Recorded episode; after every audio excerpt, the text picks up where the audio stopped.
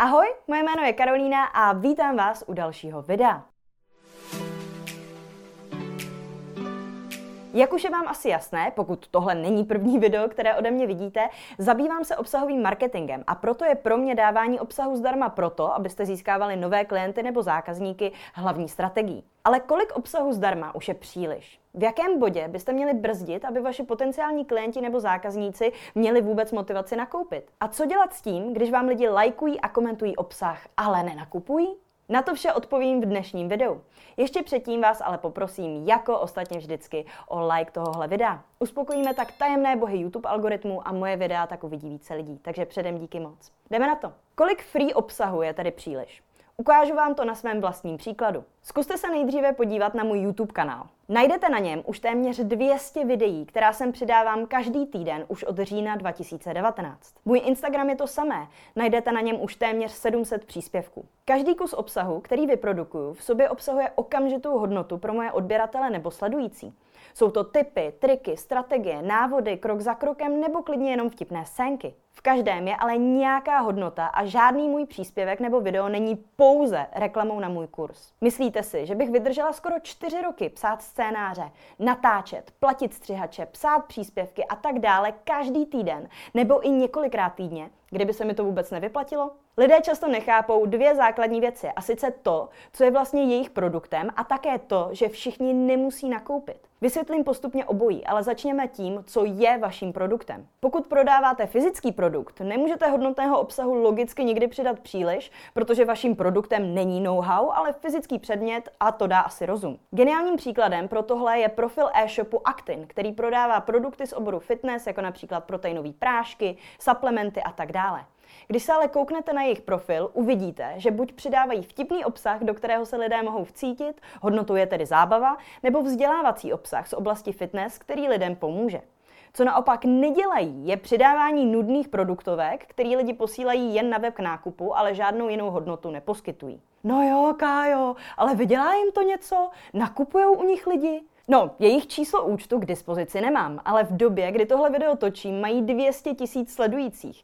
Jak vysoká je podle vás pravděpodobnost, že u nich nakoupí za měsíc víc lidí než u e-shopu, který má sledujících maximálně 2000, protože přidává jen prodejní obsah? To už nechám na vašem uvážení. Každopádně, jak vidíte, pokud prodáváte fyzické produkty, nemáte se už vůbec čeho bát a pokud chcete super výsledky, hodnotný obsah, kde odhalíte úplně všechno, co o vašem oboru víte, by mělo být vaší prioritou. Ale co když prodáváte své know-how? Co když jste třeba koučové, konzultanti, fitness trenéři, finanční poradci a tak dále? Vysvětlím to, co nejjednodušeji dokážu, ale poslouchejte prosím pozorně, protože tuhle věc většina lidí nechápe.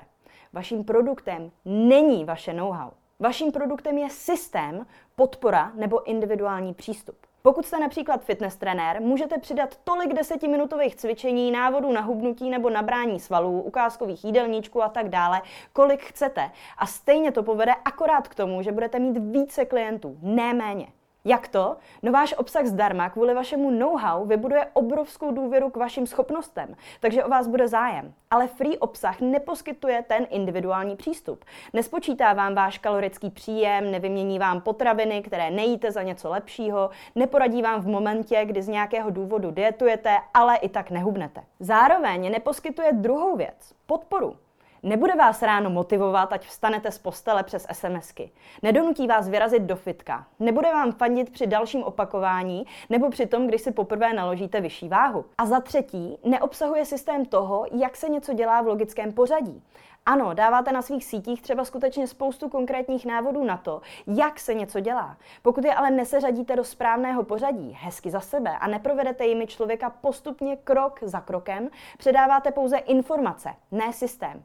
A lidi neplatí za útržkovité informace, ale právě za systém, díky kterému se naučí něco dělat. Je to už o něco jasnější? Jak už jsem říkala, já sama pumpuju do svého YouTube, Instagramu a TikToku kvanta hodnotných informací měsíčně, ale stejně mají podnikatelé správně zájem o to vstoupit do mého kurzu. Jak to? No protože jim poskytuju systém k získávání nových klientů nebo zákazníků krok za krokem. Vedu je v zásadě za ručičku. Nenechám je mému obsahu na pospas, jako tady na YouTube.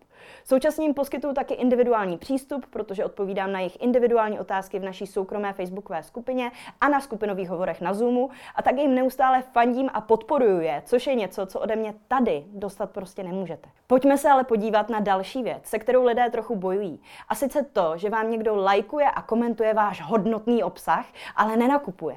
Tady může jít o tři možné situace. Za prvé, Nemáte dost sledujících nebo na sítích nejste dost dlouho na to, aby lidi začali jevit o produkt nebo službu zájem. Pro kontext, moji klienti se mými klienty stávají až zhruba po dvou a půl měsících od momentu, co mě online poprvé najdou a stabilně jsem je začala získávat až zhruba od momentu, kdy jsem já sama měla mezi tisíci a dvěma tisíci sledujících. Za druhé, váš produkt nebo služba je na prd nebo o ní dost nemluvíte.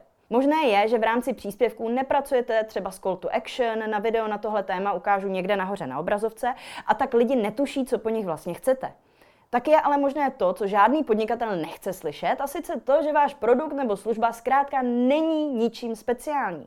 Mít dobrý produkt nebo službu je základním pilířem marketingu na sociálních sítích, takže pokud v tomhle ohledu nemáte navrh, nepomůže vám ani ten nejlepší marketing, ani obří budget na reklamu. Stalo se mi několikrát, že klienti, kteří s mou strategií neměli zprvu výsledky, eventuálně pozměnili svou nabídku, třeba i na základě toho, co po nich chtěli sledující a jejich podnikání se rozjelo doslova přes noc. Neházejte proto veškerou vinu na svůj marketing a zamyslete se nad tím, jestli skutečně nabízíte něco, co lidi chtějí. A za třetí, Někteří lidé nakupují, ale většina jen komentuje a lajkuje. Pokud je tohle váš případ, neděláte nic špatně. Něco takového je naprosto normální. Myslíte si, že jsem já sama měla 20 tisíc klientů, protože mám téměř 20 tisíc sledujících? To rozhodně ne. Měla jsem jich necelých 200. Ne každý sledující musí být naším klientem nebo zákazníkem. Dělí se totiž na dva tábory, ze kterých mají oba dva určitou roli. Prvním a nejčastějším sledujícím je takzvaný čumil. A pozor, tohle oslovení nemyslím zle. Sama jsem na hodně profilech pouze čumilem. Je to člověk, kterému jste sympatičtí, má vás rád, užívá si váš obsah zdarma, ale nikdy nenakoupí, ačkoliv to není vůbec osobní. Třeba už to, co prodáváte doma má. Třeba je v úplně jiném oboru, ale ten váš ho prostě jenom zajímá. Nebo je to možná 13-letý kluk, který ani vlastní peníze nemá, ale chce na váš obsah prostě jenom koukat. Tihle lidé tvoří většinu vaší fanouškovské základny. Přijde vám to otravné? Tak poslouchejte dál. Čumilové jsou zhruba z 90% ti, kteří váš obsah šíří dál. Ti, kteří vás sdílí, komentují vaše příspěvky, lajkují je, ukazují vás kamarádům a tak dále. Za vaši laskavost v podobě obsahu zdarma se vám odměňují ne penězmi, ale tím, že vás šíří dál před vaše reálné platící klienty nebo zákazníky. Nebýt čumilu, nenakoupil by u vás vůbec nikdo. Klient nebo zákazník se totiž na internetu většinou chová úplně jinak. Nehledá free obsah, ale chce řešení, takže často jenom klikne, projde pár příspěvků, pár týdnů nad tím přemýšlí a potom nakoupí. Potom jeho interakce s vaším profilem většinou úplně skončí a ani předtím nepatří většinou mezi největší komentátory nebo lajkovače. Jak to? No, jde prostě o úplně jiný typ člověka. Nebýt klientů nebo zákazníků neměli byste na chleba, ale nebýt čumilů neměli byste na něj taky, protože by vám žádného klienta nebo zákazníka nedohodili. Co byste si tedy z tohoto videa měli na závěr odnést? Za prvé, hodnotného obsahu nikdy nemůžete vyprodukovat příliš, můžete ho jenom vyprodukovat málo. Za druhé, pokud ještě neprodáváte, buďte trpěliví. Strategie obsahového marketingu chce svůj čas. Za třetí, na vině nemusí být váš marketing. Za obtížným prodejem může často stát i vaše nabídka. Za čtvrtý, nepodceňujte čumily, protože bez nich svou značku nikdy nevybudujete. Pokud to se získáváním klientů a zákazníků skrze sociální sítě myslíte skutečně vážně, přidejte se do mého kurzu prodeje na Instagramu a já vás to naučím. Vstupte do něj na www.kursprodejnainsta.cz Pokud vám můj obsah zdarma přijde super, můj placený obsah vás skutečně posadí na zadek. Tomu věřte. Chcete mě podpořit, získávat moje videa i podcasty s předstihem nebo mít možnost inspirovat se virálními trendy pro Reels a mými marketingovými typy?